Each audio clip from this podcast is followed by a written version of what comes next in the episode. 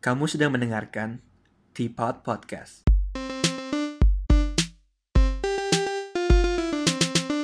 Hello, welcome back to Teapot.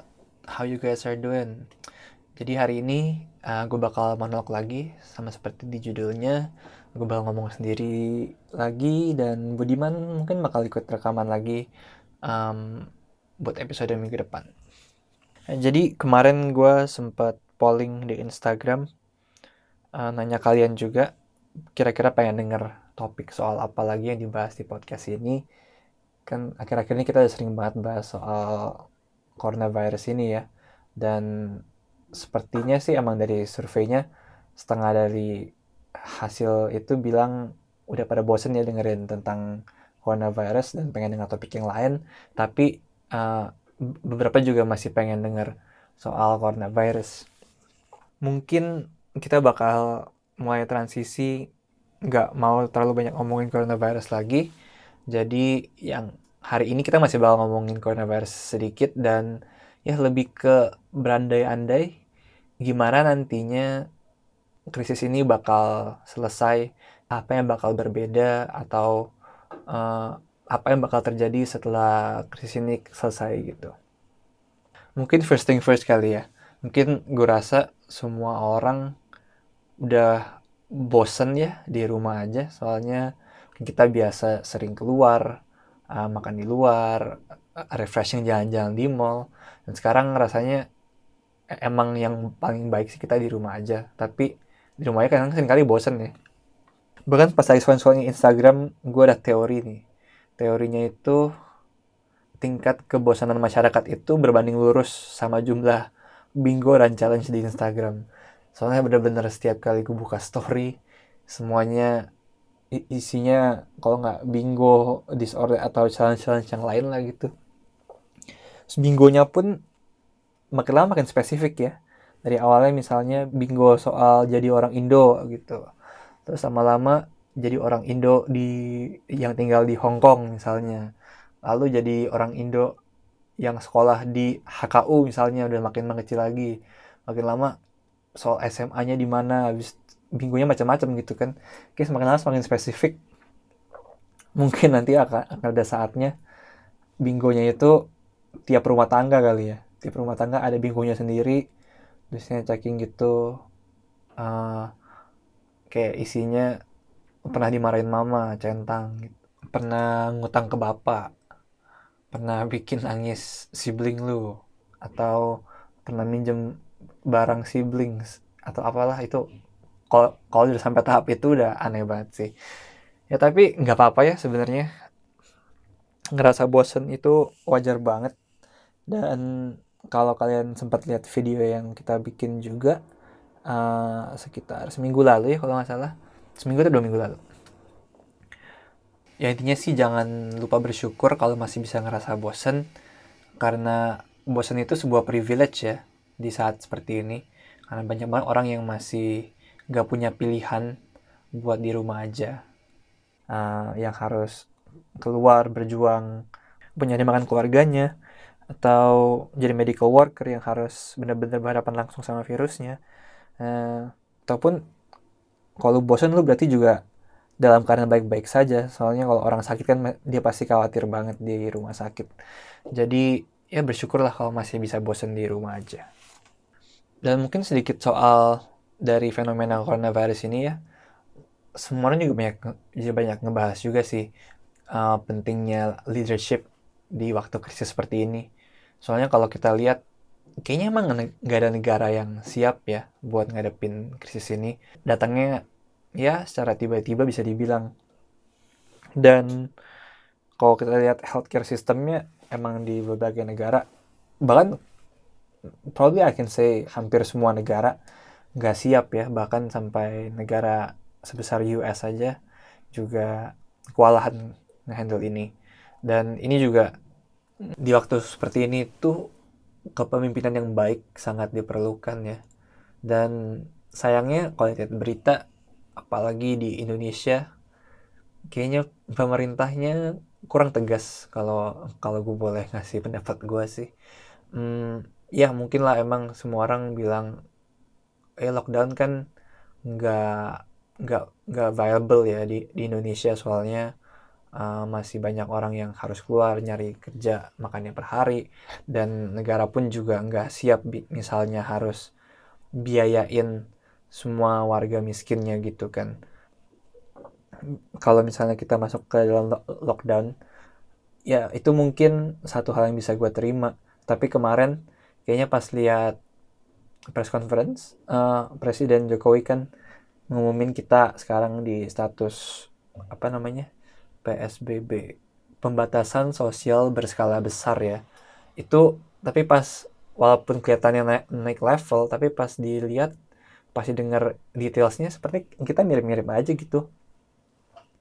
Cuma dibilang uh, sekolah liburin kerja juga kalau bisa di, di rumah nah tapi kita kan udah emang udah ngelakuin itu sejak beberapa minggu lalu gitu kan. Jadi kelihatannya nggak ada nggak ada tindakan konkret yang lebih serius lah gitu.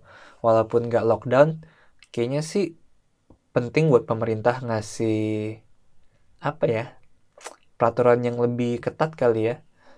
Soalnya orang Indonesia apalagi kalau di sekolah semua tetap bersifat himbauan susah ya buat di buat ditegakkan gitu kalau himbauan mah. Orang kewajibannya suruh bayar pajak kayak kadang-kadang orang nggak bayar pajak gitu. Itu padahal namanya kewajiban apalagi himbauan gitu kan. Kalau kewajiban yang dijalin apalagi himbauan. Jadi kayaknya lebih butuh measure yang lebih strict ya. Mungkin bisa contoh Hongkong juga kalau di Hongkong kita juga nggak lockdown sebenarnya walaupun case kita kemarin kita padahal udah sangat baik banget sih di first wave uh, case coronavirusnya itu nggak banyak paling cuma 2 sampai tiga per hari.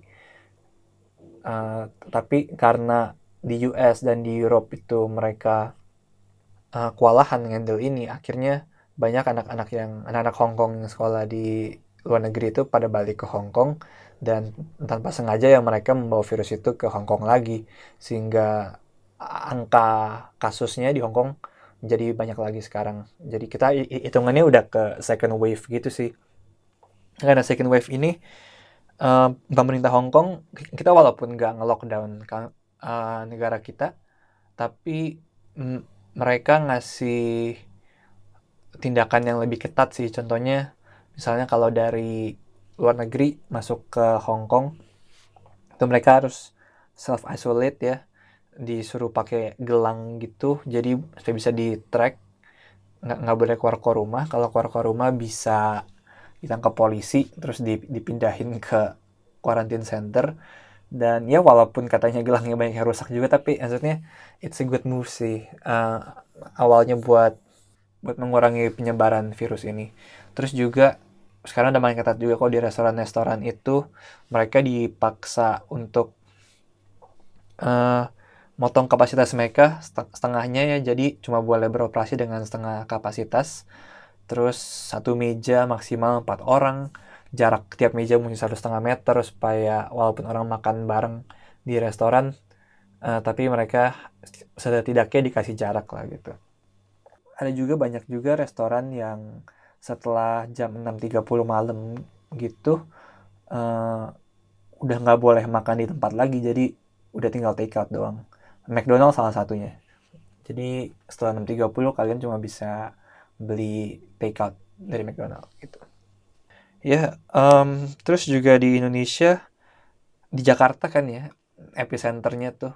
Jadi benar-benar semua banyak, banyak spotlightnya ke Pak Anies juga ya, sebagai gubernur DKI Jakarta. Tapi menurut gue sih untuk hal ini, walaupun dulu dia banyak blundernya lah, apa itu untuk hal ini respon dia dan perhatian dia lah menurut gue lumayan lumayan bagus sih untuk uh, untuk khusus untuk hal penanganan virus ini ya contohnya salah satu yang bagus itu kan kemarin banyak berita kalau medical worker di Jakarta itu mereka banyak ditolak-tolakin pas mereka pulang ke kosan mereka. Tapi menurut gue itu lumayan hmm, make sense ya soalnya kalau misalnya lu tahu orang yang tinggal di sebelah lu itu medical worker yang setiap hari berhadapan dengan uh, virus ini, lu pasti kan ada rasa takut lah ya uh, takut tertular gitu kan. Bahkan medical workernya aja juga bilang mereka juga takut sebenarnya kalau pulang ke rumah mereka takut nyebarin virus ini ke keluarga mereka ke istri ke atau ke anak mereka juga. Jadi uh, jadi jadi ini memang real concern yang butuh solution gitu kan. Dan Pak Anies di sini dia sempat nyulap beberapa hotel yang punya Jakarta buat dijadiin uh, tempat medical worker ya. Tempat medical worker buat pulang gitu. Jadi medical workernya disiapin hotel supaya mereka ha habis bertugas dari rumah sakit pulangnya nggak ke rumah tapi ke hotel yang udah disediain. Terus dan juga kalau nggak salah dia mereka disiapin shuttle bus ya buat dari hotel itu ke rumah sakit. So I think that's a good gesture. Dan yes semoga ajang ini bukan dijadiin ajang politis sih. Kalau masih mikir-mikir soal politik gitu ya at least you, you do something good lah kalau misalnya tujuannya politik tapi at least you make a good impact. Dan we don't mind actually Uh, mungkin kalau lihat salah satu contoh yang kacau juga di US yang tadi gue sempat bilang kan di US kacau banget sih. And kemarin gue sempat nonton satu video di YouTube uh, dari channelnya The, The Daily Show with Trevor Noah. Kalau nggak salah judulnya Heroes of the Coronavirus Pandemic ya. Jadi ini buat buat menghargai orang-orang bodoh dalam pandemik ini. Ya, salah satunya ini presidennya sendiri Donald Trump ya. Kemarin itu pas awal-awal krisis terjadi di US ini Donald Trump bilang ini mah kayak flu biasa aja. Paling juga bentar lagi hilang gitu. Terus tapi setelah ada makin parah dia kira bilang oh ya se sebenarnya gua tuh udah tahu ini bakal jadi pandemik sebelum ini jadi pandemik gitu. Orang-orang di Fox News juga mereka awalnya menyepelekan semua ini tapi baru-baru ini mereka bilang program TV mereka itu uh, sangat menganggap serius virus ini gitu kan. Banyak contradicting statement ya. Dan kayaknya mereka lupa kali ya kalau semuanya ini direkam dan video recordingnya itu ada. Kalau misalnya mereka sadar sih kalau dengan ngomongnya bener-bener beda gitu kayak insult to human intelligence juga kali ya. Kayak kok kok bisa mikir gitu? Tapi ya udahlah ya semoga semuanya makin baik lah dengan kesadaran ini. Nah mungkin yaudah paling segitu dulu aja deh soal update uh, coronavirusnya. Nah mungkin aku pengen ngomongin soal kira-kira gimana nih setelah ini nih. Soalnya gue jadi kepikiran topik ini kemarin sempat kepikiran terus gue bikin sort of like uh, Q&A bukan bukan Q&A sih minta pendapat orang-orang teman-teman gue ya di Instagram nanya kira-kira uh, gimana pandemi ini bakal kelar dan apakah kita bisa kembali normal dan apa ya apa yang bakal berubah gitu setelah pandemi ini kelar gitu. Sehingga banyak yang berspekulasi kan mungkin ini bakal jadi kayak flu biasa gitu. Soalnya kalau kalau kalian ingat juga di berita kan juga bilang flu itu dulu sebuah pandemi juga kan. Banyak orang yang mati dari flu juga. Tapi setelah lama kelamaan uh, vaksinnya dibuat, sekarang ya kalau orang flu pada nggak takut gitu kan. Jadi dari flu yang dulunya pandemi sekarang udah ada obat tolak angin flu. Jadi jangan-jangan nanti kalau misalnya kejadiannya bakal mirip mungkin beberapa tahun lagi bakal ada tolak angin corona kali ya. Jadi udah ada obatnya dijual secara massal gitu. Dan ya mungkin bakal jadi nggak ada stigma lagi misalnya lagi main sama temen lu temen lu batuk terus pas tanya bro kenapa lu? Biasa corona. Terus habis itu oh corona. Udah ke dokter belum? Kayak ah nggak usah lah paling minum air lemon sama tidur aja bakal sembuh gitu. Mungkin bakal jadi kayak gitu kali ya kalau misalnya uh, coronavirus ini jadi jadi kayak flu biasa ya. Tapi kalau dipikir-pikir aneh juga ya. Bayangin orang zaman dulu yang ngalamin flu itu serem banget rasanya. Nggak ada obatnya. Tahu-tahu sekarang semua obatnya dijual secara bebas. Uh, secara mudah didapatkan juga. Semua orang nggak nggak takut. Pasti itu sebuah mindset shift yang sangat besar ya. Ya semoga ya obatnya cepat ditemukan sehingga kita bisa lebih tenang aja sih ngadepin semua ini. Gue juga nggak kebayang ya kalau misalnya entar corona obatnya udah dijual secara massal. Pasti kan banyak iklannya juga tuh kayak iklan seperti biasanya. Ada orang batuk gitu. Terus ada orang datang batuk sesak nafas. Itu corona. Makanya jangan lupa minum telur angin corona. Orang pintar minum telur angin gitu. Itu absurd banget sih tapi kalau itu benar kejadian that's berarti kita udah hidup in a better better time sih. So yeah I'm hoping that will happen soon. Terus yang, terus yang mungkin ada yang ngomong juga negatifnya salah satunya itu ekonomi ya. Eh, ekonomi pasti bakal bakal dan sudah bahkan ya. Sudah take a big hit dari semua ini. Hmm, ada yang bilang kita udah masuk re masuk recession dan pasti emang susah sih buat mereka buat pick up. Kayaknya sih gue yakin kita bakal kayaknya sih setelah ini berakhir e, e ekonomi bakal kembali seperti normal sih uh, bakal pick up pelan-pelan. Tapi lu, lu gue sempet dengar di di YouTube juga kemarin Trevor Noah juga interview Bill Gates ya. Bill Gates kan dulu pernah ngingetin kita soal pak pandemi bahaya pandemi gitu. Pandemi dari virus-virus. Terus dia bilang sebenarnya semua ini bakal kembali normal setelah ada vaksinnya gitu. Karena misalnya case-nya udah turun jauh juga nih mungkin mungkin kita udah mulai bisa resume pelan-pelan tapi orang-orang masih pada takut gitu kan. Mungkin masih pakai masker masih benar-benar ada strict measures di mall-mall mungkin. Tapi kalau misalnya ntar vaksinnya udah bisa diproduksi secara massal mungkin saat itu orang-orang baru mulai berasa aman. Bahkan atau mungkin mereka bisa ngerasa oh walaupun gue kena gue nggak bakal kenapa-napa karena oh, obatnya udah ada gitu. Jadi pada saat obatnya bisa diproduksi secara massal saat itulah kita mungkin secara eh sebagai society udah bisa kembali seperti normal lagi sih.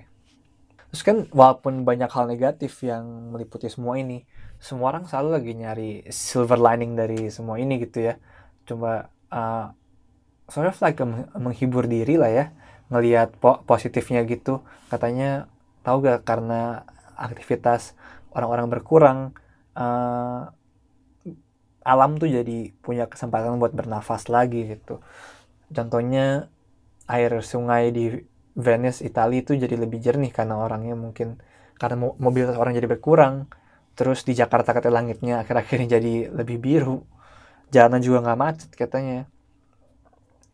Mungkin tanpa mereka sadarin pas mereka ngeliat positif sadari ini itu juga ngeris sebuah question dari masalah overpopulation kali ya karena emang kita ini sebenarnya terlalu banyak orang di di dunia dan resource kita itu nggak seberapa sehingga emang overpopulation is a problem.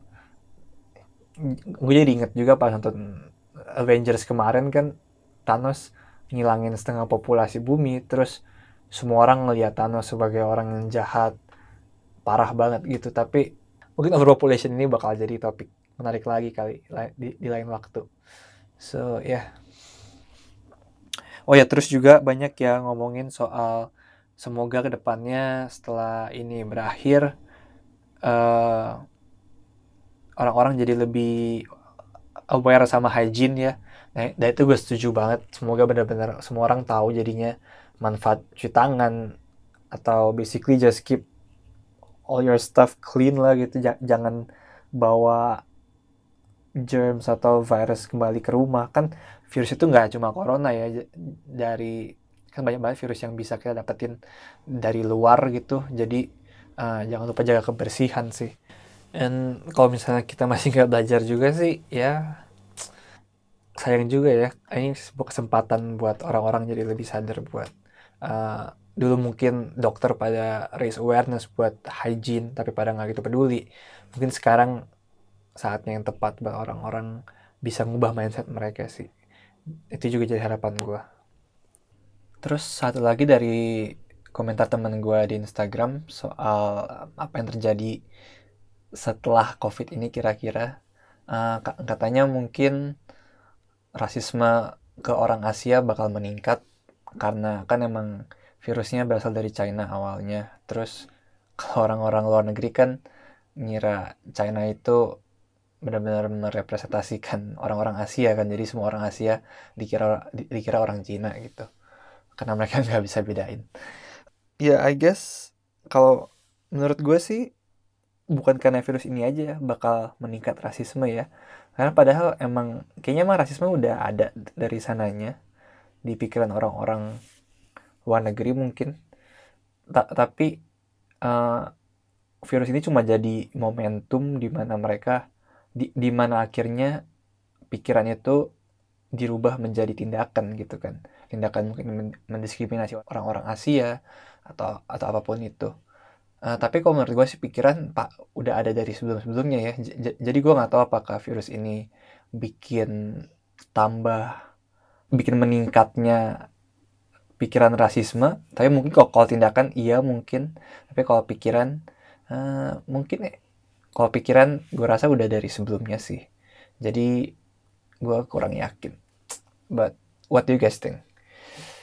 Uh, tapi which one is better sebenarnya kan? Dua-duanya sama aja kan? Dua-duanya sebenarnya ya rasisme seharusnya kita nggak boleh rasis kita nggak boleh mendiskriminasi orang hanya karena dia beda ras beda suku atau agama. Ya tapi somehow that's just how the world works right now. It's kind of sad but yeah we have to live with it. Yang paling penting kan gimana cara kita uh, mengolah pikiran kita supaya walaupun kita berpikiran yang suzon tapi kita nggak bertindak diskriminatif gitu lah. Lebih sadar lebih sadar diri. Jadi gue mau nutup dengan sebuah encouragement ya karena gue tahu ngelewatin semua ini tuh nggak gampang. Karena banyak hal yang berubah di sekitar lu. Karena banyak mindset lu yang berubah dulu misalnya kita kalau peduli dengan orang tua itu kita ngunjungin mereka sering-sering tapi sekarang malah uh, kalau peduli sama orang-orang yang lebih tua lu nggak ngunjungin mereka lagi nggak ngunjungin mereka dulu baru bar eh akhir-akhir ini. Jadi emang banyak banget perubahan yang kita laluin dan juga banyak kebiasaan lu yang berubah dan lu pasti bosen di rumah atau kangen jalan-jalan gue kangen main bulu tangkis gue kangen nonton bulu tangkis nonton bola juga karena semuanya ke cancel tapi semua hal itu jangan sampai buat kita lupa peran kita di eh, tengah-tengah uh, masyarakat ini ya. Kalau misalnya di rumah aja itu memang bisa membantu menurunkan penyebaran virus ini, ya ya itulah yang harus kita lakukan sebagai orang yang baik sih. Dan gue percaya setelah semua ini berlalu, kita semua bakal keluar dari wabah ini uh, sebagai orang yang lebih baik dan juga lebih kuat dari sebelumnya sih. Yaudah paling segitu dulu aja. Seperti biasa jangan lupa follow podcast kita at dipot underscore podcast di Instagram, di Spotify, dan juga kalau misalnya kalian bosen, kita masih punya 30 episode lagi yang kalau kalian belum dengar bisa bisa kalian dengar atau kalau kalian ada pikir ada yang bermanfaat bisa kalian dengerin lagi.